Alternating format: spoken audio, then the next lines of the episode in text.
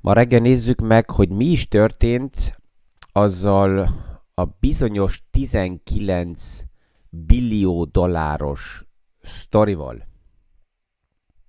Ma is aktuális pénzpiaci témákról, összefüggésekről beszélgetünk érthetően. János Zsolt vagyok, és üdvözlök mindenkit a mai PFS Kávézat podcasthoz.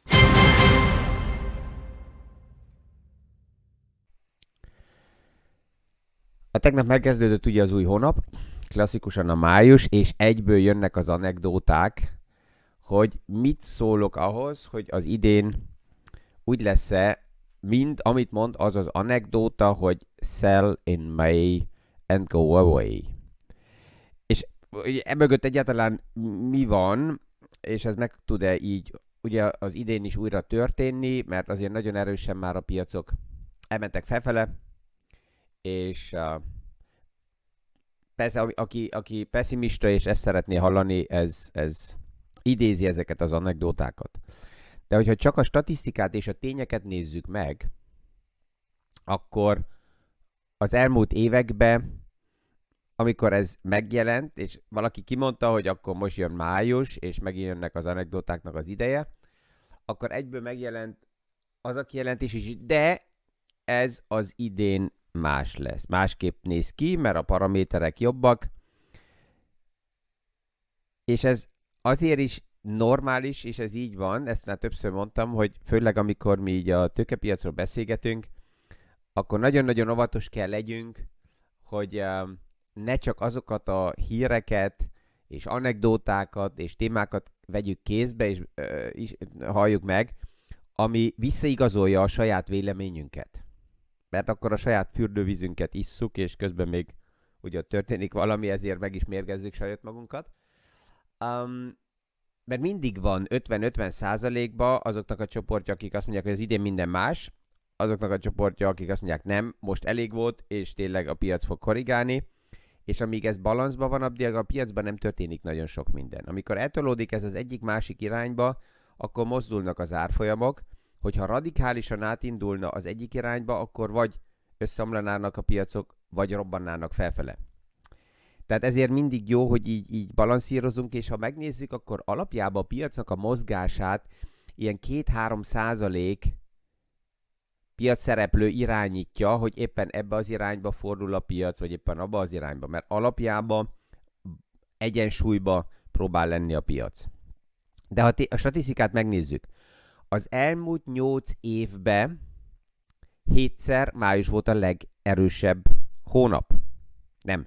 Az elmúlt 8 évben május erős hónap volt, tehát az anekdota szerint május elején mindent eladni és menni, az nem lett volna jó. A, ha megnézzük a statisztikát, amikor április erős hónap volt, és szezonálisan április általában erős, akkor 11-ből 9 alkalommal az erős április után egy erős május jött. Mert megvolt a piacnak a momentum lendülete. Egy új elnökválasztás utáni évben a statisztikák szerint az amerikai piac eddig visszamenőleg mindig nagyon erős és pozitív volt. Tehát, hogyha azt akarjuk hallani, és azt akarjuk megnézni, hogy 2021-ben ez a kijelentés, hogy sell in May and go away, miért nem fog passzolni, rengeteg témát találunk. És um, ezért tovább is inkább más témákra kell figyeljek, mint befektető, mikor egy jó ideig, és egy jó ideig arról beszélünk, ezt majd a következő napokban fogom feldolgozni, mikor fiatal befektetők jönnek, akik 3, 4, 5 éve esetleg a piacsal foglalkoznak, és azt mondják, hogy ne, János úr milyen jeszteget állandóan, hogy lesz crash és korrigálás és bla bla. Meg volt a tavaly év végén is egy uh, visszakorrigálás 15%-kal, és ezt már el is rendeztük. Az idén is volt egy pici uh, lehűlés a piacba, aztán nagyon erősen újra felfele mentünk, tehát mindig jó benne maradni a piacba. Akkor azt kell mondjam, hogy oké, okay, fiúk, um, jó, hogy itt vagytok, mint fiatal új generáció, ez, ez, ez fantasztikus hír, azért, mert um, ez nekem is tetszik, hogy a fiataloknak a, a, a részvény, a tőkepiac fogalom az egészen másképp helyeződik el, mint um, a, akár az, az én generációmban volt, mikor 30 évvel ezelőtt legelőször a tőkepiac elkezdtem foglalkozni, akkor így, így ezerből egy vagy kettő volt. A, a mai fiatal generációnak szerencsére már egészen más a hozzáállása, ami nyugtató, hogy a tapasztalat és a tanulási görbe ugyanolyan lesz, tehát ehhez kellenek a tapasztalatok, um, és um, ettől nem kell félni, hogy az, aki ma nagyon bátor, az is meg fogja szerezni a tapasztalatát. Ez mindig hozzatartozik a, az élethez és a tőkepiaci fejlődésekhez. De nézzük meg, hogy mennyire erős a piac, és aktuálisan ott mi történik. Um, egy olyan nagyon jó statisztikát állított össze megint Bespoke Investment, amelyik a Standard Poor's 500-nak a tőzsdei kapitalizációját mutatta fel, és be azt látjuk, hogy mióta Joe Biden meg lett választva, azóta a tőzsdei kapitalizáció értéke a Standard Poor's Indexnek 8, egész, tehát 8 billió dollárra növekedett. Ez 28% növekedés azóta, mióta Joe Biden november harmadikán meg lett választva. Hogyha visszamegyünk és megnézzük, akkor az utolsó választás, mikor Donald Trump meg lett választva, és az ő um, elnöki időszaka alatt plusz 52%-kal emelkedett a Standard Poor's Index, de az összességében 9,9 billió dollár volt. Tehát mindig az a kérdés ugye, hogy milyen szintről jövök, és ha megnézzük a dinamika, ami látható most alapjában azt lehet mondani a Joe Biden megválasztása óta, az nagyon-nagyon erős ez a dinamika, és um, a kérdés az, hogy ez meddig tart, ez mennyire túlfütött piac már, mert hogyha megnézzük a 2020 április a mélypontjától, pici megállások közben a piac nagyon-nagyon erős dinamikával elindult egy irányba, és ezért is vezettem azzal be ma reggel, hogy megnézzük, hogy mi is történt azzal a 19 billió dollár sztorival, és az, az, az miről is szól egyáltalán? Mi, mi van mögötte? És hogyha azt megnézzük, akkor olyan körülbelül másfél évvel ezelőtt uh, jelentek meg azok a hangok, hogy a pénzügyi világ szereplői, azok eldöntötték, hogyha úgy vesszük, hogy az ESG témát azt sokkal-sokkal komolyabban veszik, és ezért is indult meg ebbe az irányba a dinamika, mert Joe Bidennel is, de már azelőtt láttuk, hogy az Európai Uniónal is megjelent ez az úgynevezett új varázs szó, a kifejezés a Green Deal. Tehát a Green Deal, ami azt jelenti, hogy a,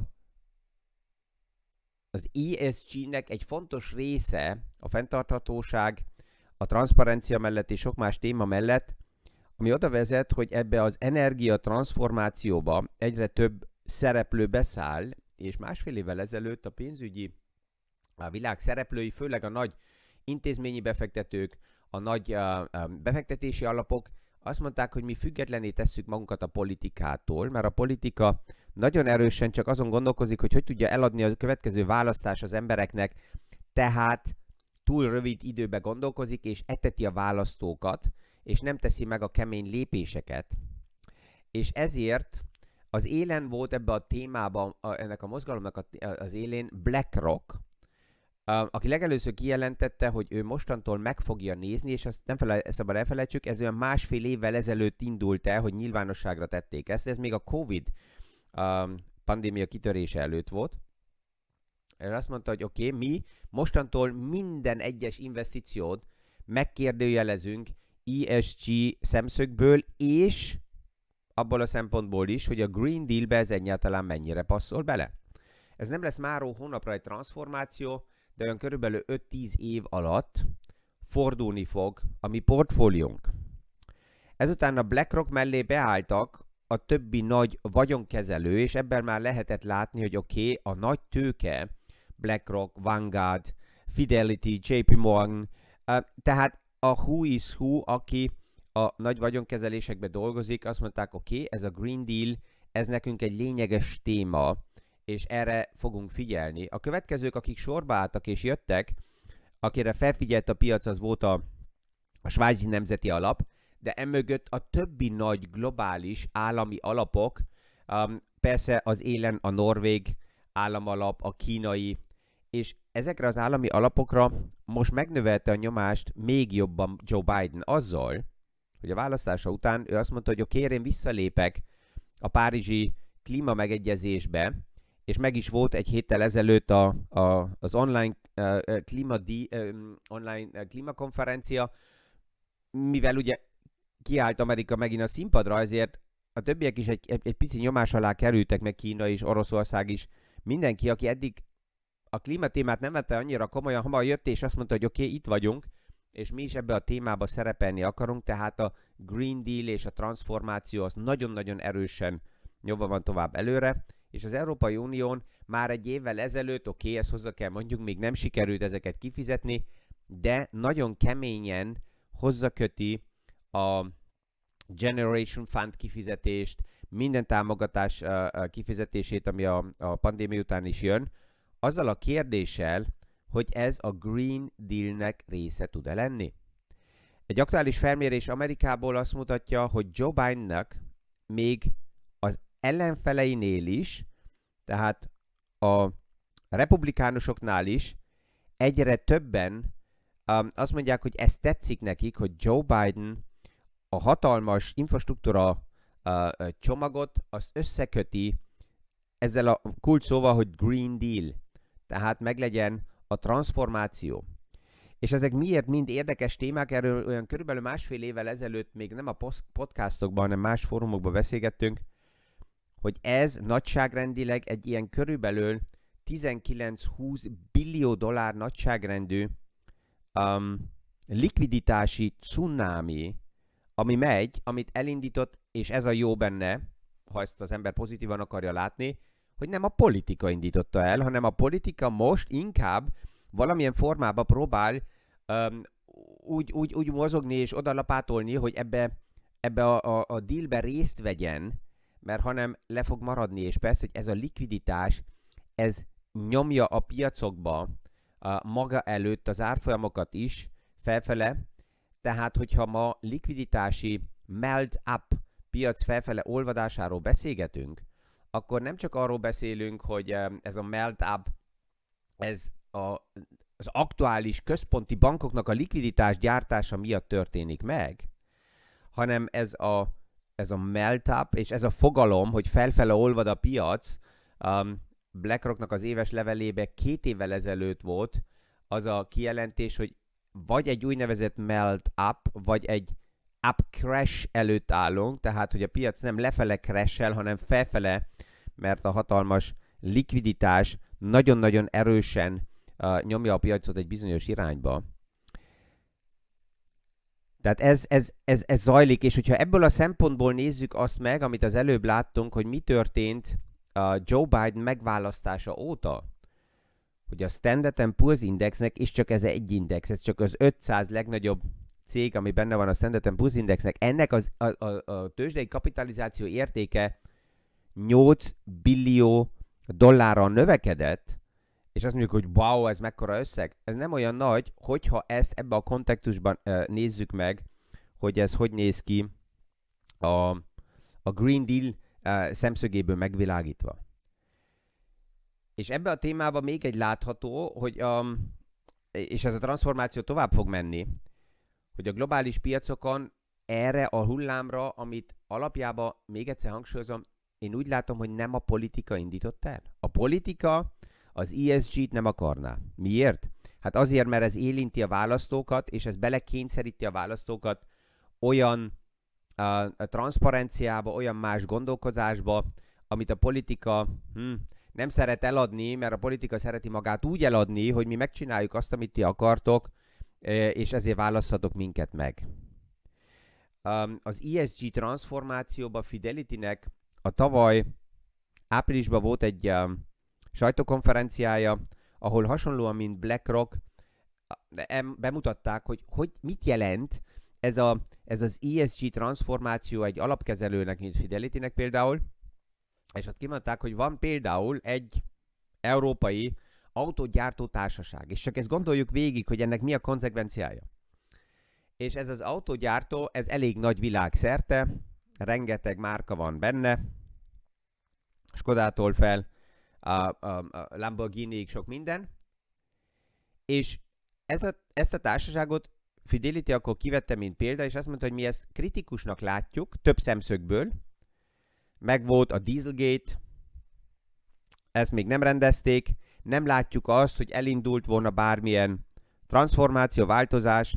Többek között több európai országba, ahol vannak a gyárak, van egy ilyen nem teljesen transzparens díl a háttérbe a kormányokkal, igaz, hogy ott munkahelyeket biztosítanak, de kevés adót fizetnek, vagy bármara.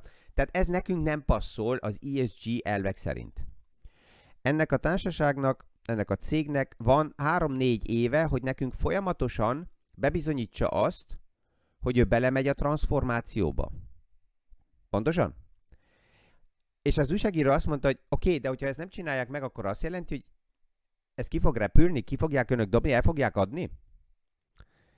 És erre a, a Fidelity-nek a, a sajtóközvetítés, vagy a sajtó a, um, nyilatkozatot vezető elvár azt mondta, hogy oké, okay, akkor kezdjük az egészet újra előről. Még egyszer elmondom önnek. Ha tetszik, ha nem rövid időre, mi ezt csináljuk. Ez persze, hogy nagyon sok olyan embernek, aki azt mondja, hogy ú, a tőke most irányítja a nagy kapitalizmus a világot. Hát néha ez jobb is, mint a politikára bízni. Lehet.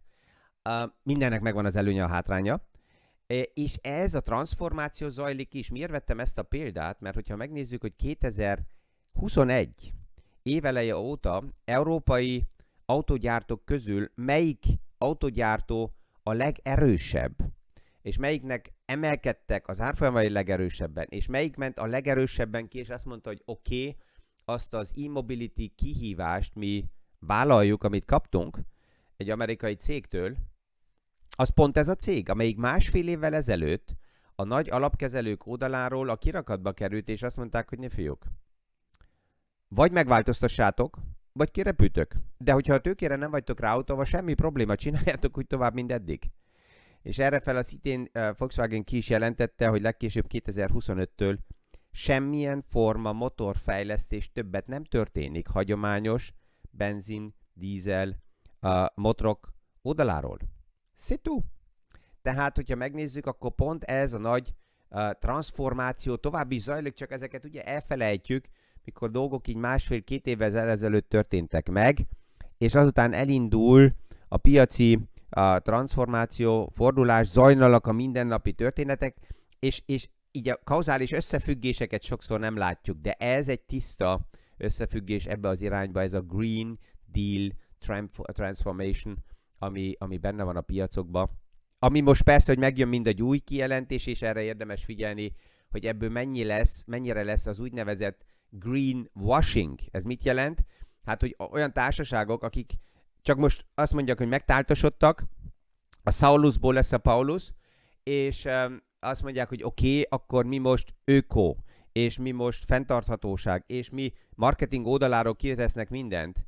Érdemes jobban belefúrni hogy mi van benne, és ne történjen meg ez az úgynevezett green washing. A felügyeletek már erre is elkezdtek szerencsére figyelni, hogy ez a címkehamisítás, marketing uh, szemfényvesztés, ez ne legyen olyan egyszerű. De hát mi mindig, ez marad ugye a téma az ügyfeleknél, és a piacnál, hogy elhisznek mindent, ami a kirakatban van, vagy mélyebben utána belenéznek a kávézatba, és nézik, hogy mi is van benne. Ez egyáltalán kávé, ami, amit itt nekünk tálalnak, vagy valami csak mosogató lé.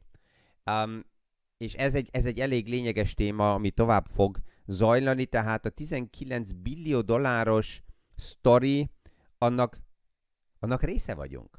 Ez is egy fantasztikus sztori, remélem, hogy ezt így is tudjuk látni. A tegnap is beszéltünk arról, hogy milyen gigantikus um, biotechnológiai fejlődésnek vagyunk része és szereplői, most benne vagyunk a, a Green Deal témába, ami sokkal nagyobb, sokkal erősebb, hogy ennek milyen része vagyunk, csak ez ugye egy picit a, a pandémiával így a háttérbe került, és uh, ja, tehát így remélem, hogy minden napra a héten találok egy ilyen sztorit, amit be tudok építeni. Mielőtt még tovább megyek a, a következő témába, és már látom, hogy az idő fut is ki a kezemből, um, a múlt hét péntekről volt a communityből visszajelzés, hogy a pénteki felvétel valamilyen okokból uh, nem sikerült úgy, ahogy uh, én terveztem, és valahol menet közben meg is szakadt az egész.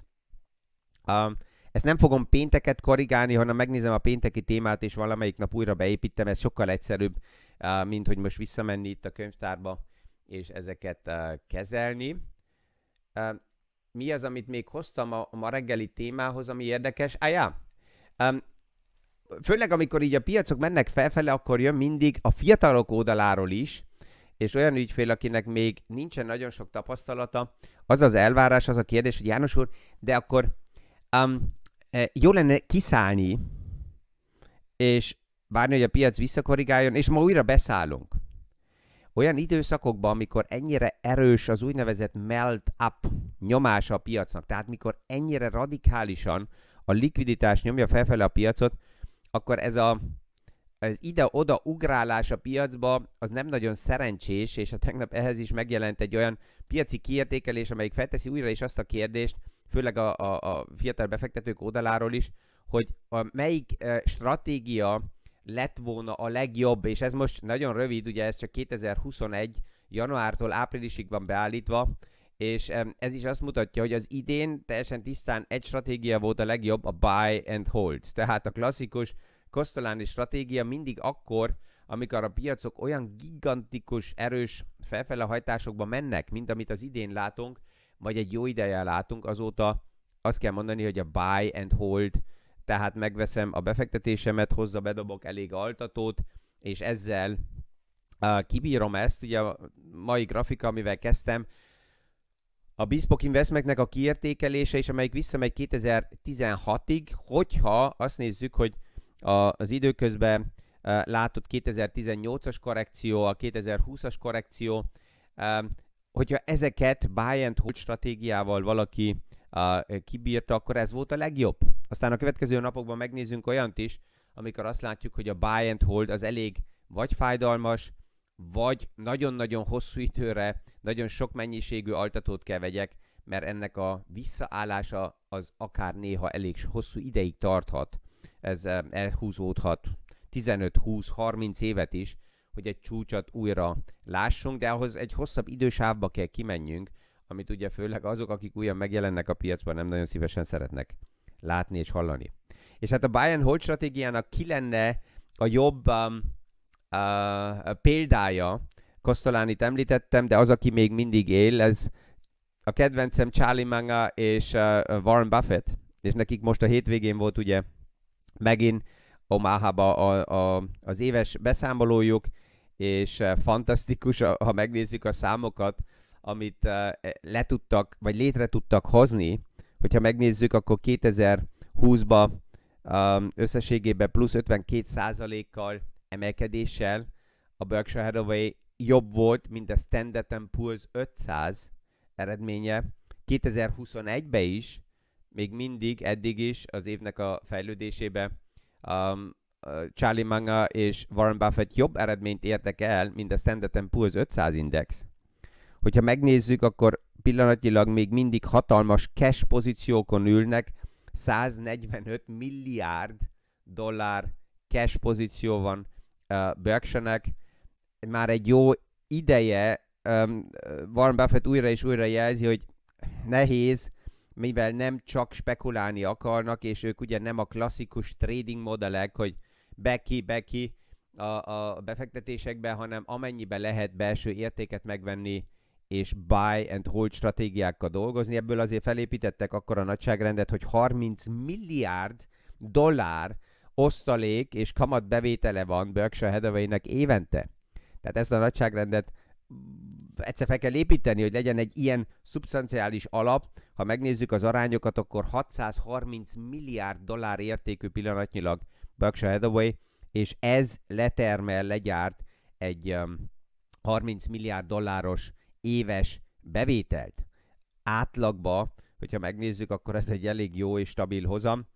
Um, mint mindig, be, um, Warren Buffettnál is megvannak azok a, a, a, a két tábor. Az egyik, aki támadja, és azt mondja, hogy túl öreg, hát persze, biológiailag már a 90 körül mozog, de ez fantasztikus, hogy ő is és Charlie, Charlie Manga is mennyire um, az életet élik, és nem a klasszikus modellbe, hogy roboti, roboti, roboti, és aztán nyugdíjba, hogy, hogy ne kelljen semmit csinálni, hanem élnek, és ezzel élvezik egyszerűen a, a, a, a, a hobbiukat. Um, és újra, újra és újra felmerül az a kérdés is, hogy de mi lesz, hogyha valamikor Charlie Manga és Warren Buffett uh, lelépnek innen, és átmennek, hogy uh, tippeket adjanak a, a másik oldalán a világnak. Um, ki fogja ezt átvenni? Ezt azért nyugodtan látok, mert ma már annyira transzparens évtizedek óta a Warren Buffett és Charlie Munger filozófiája. Rengeteg vagyonkezelő van, aki mint, mint, um, mint egy hittant kezelve ezt a filozófiát felépítette portfóliókba. Vannak olyan portfóliók, amelyek párhuzamosan akár sokkal jobb eredményeket is elértek, de tiszteletből a két öreggel szemben nem is mennek annyira ki a kirakatba.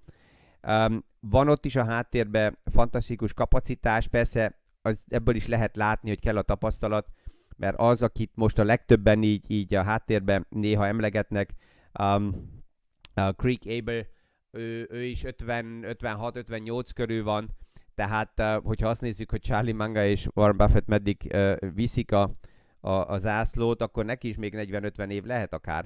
Tehát um, ez, ez lehet látni hútább um, Berkshire Hathaway oldaláról, hogy milyen eredményeket hoztak ezzel létre ebbe a nagyon-nagyon erős, dinamikus um, um, hátterű világba, és a tegnap előtt, nem, a tegnap beszéltünk Apple-nek ugye a részvény visszavásárlási programjáról, 90 milliárd, ha megnézzük, akkor Apple-be az egyik legnagyobb befektető, és Berkshire-nek az egyik legnagyobb pozíciója Apple 120 milliárd dollár értékkel, uh, tehát nem csak az old economy-ba van benne a Berkshire, hanem uh, ugyanúgy az egész transformációt is nagyon erősen leköveti és viszi magával. Ez csak egy külön előadásnak egy témája lehetne a, a Warren Buffett filozófiája, de ez, uh, tehát ez, ez a mai nap végére ez valamilyen formába passzol ez a kérdéshez, hogy mi is történik ezzel a 19 billió dolláros sztorival.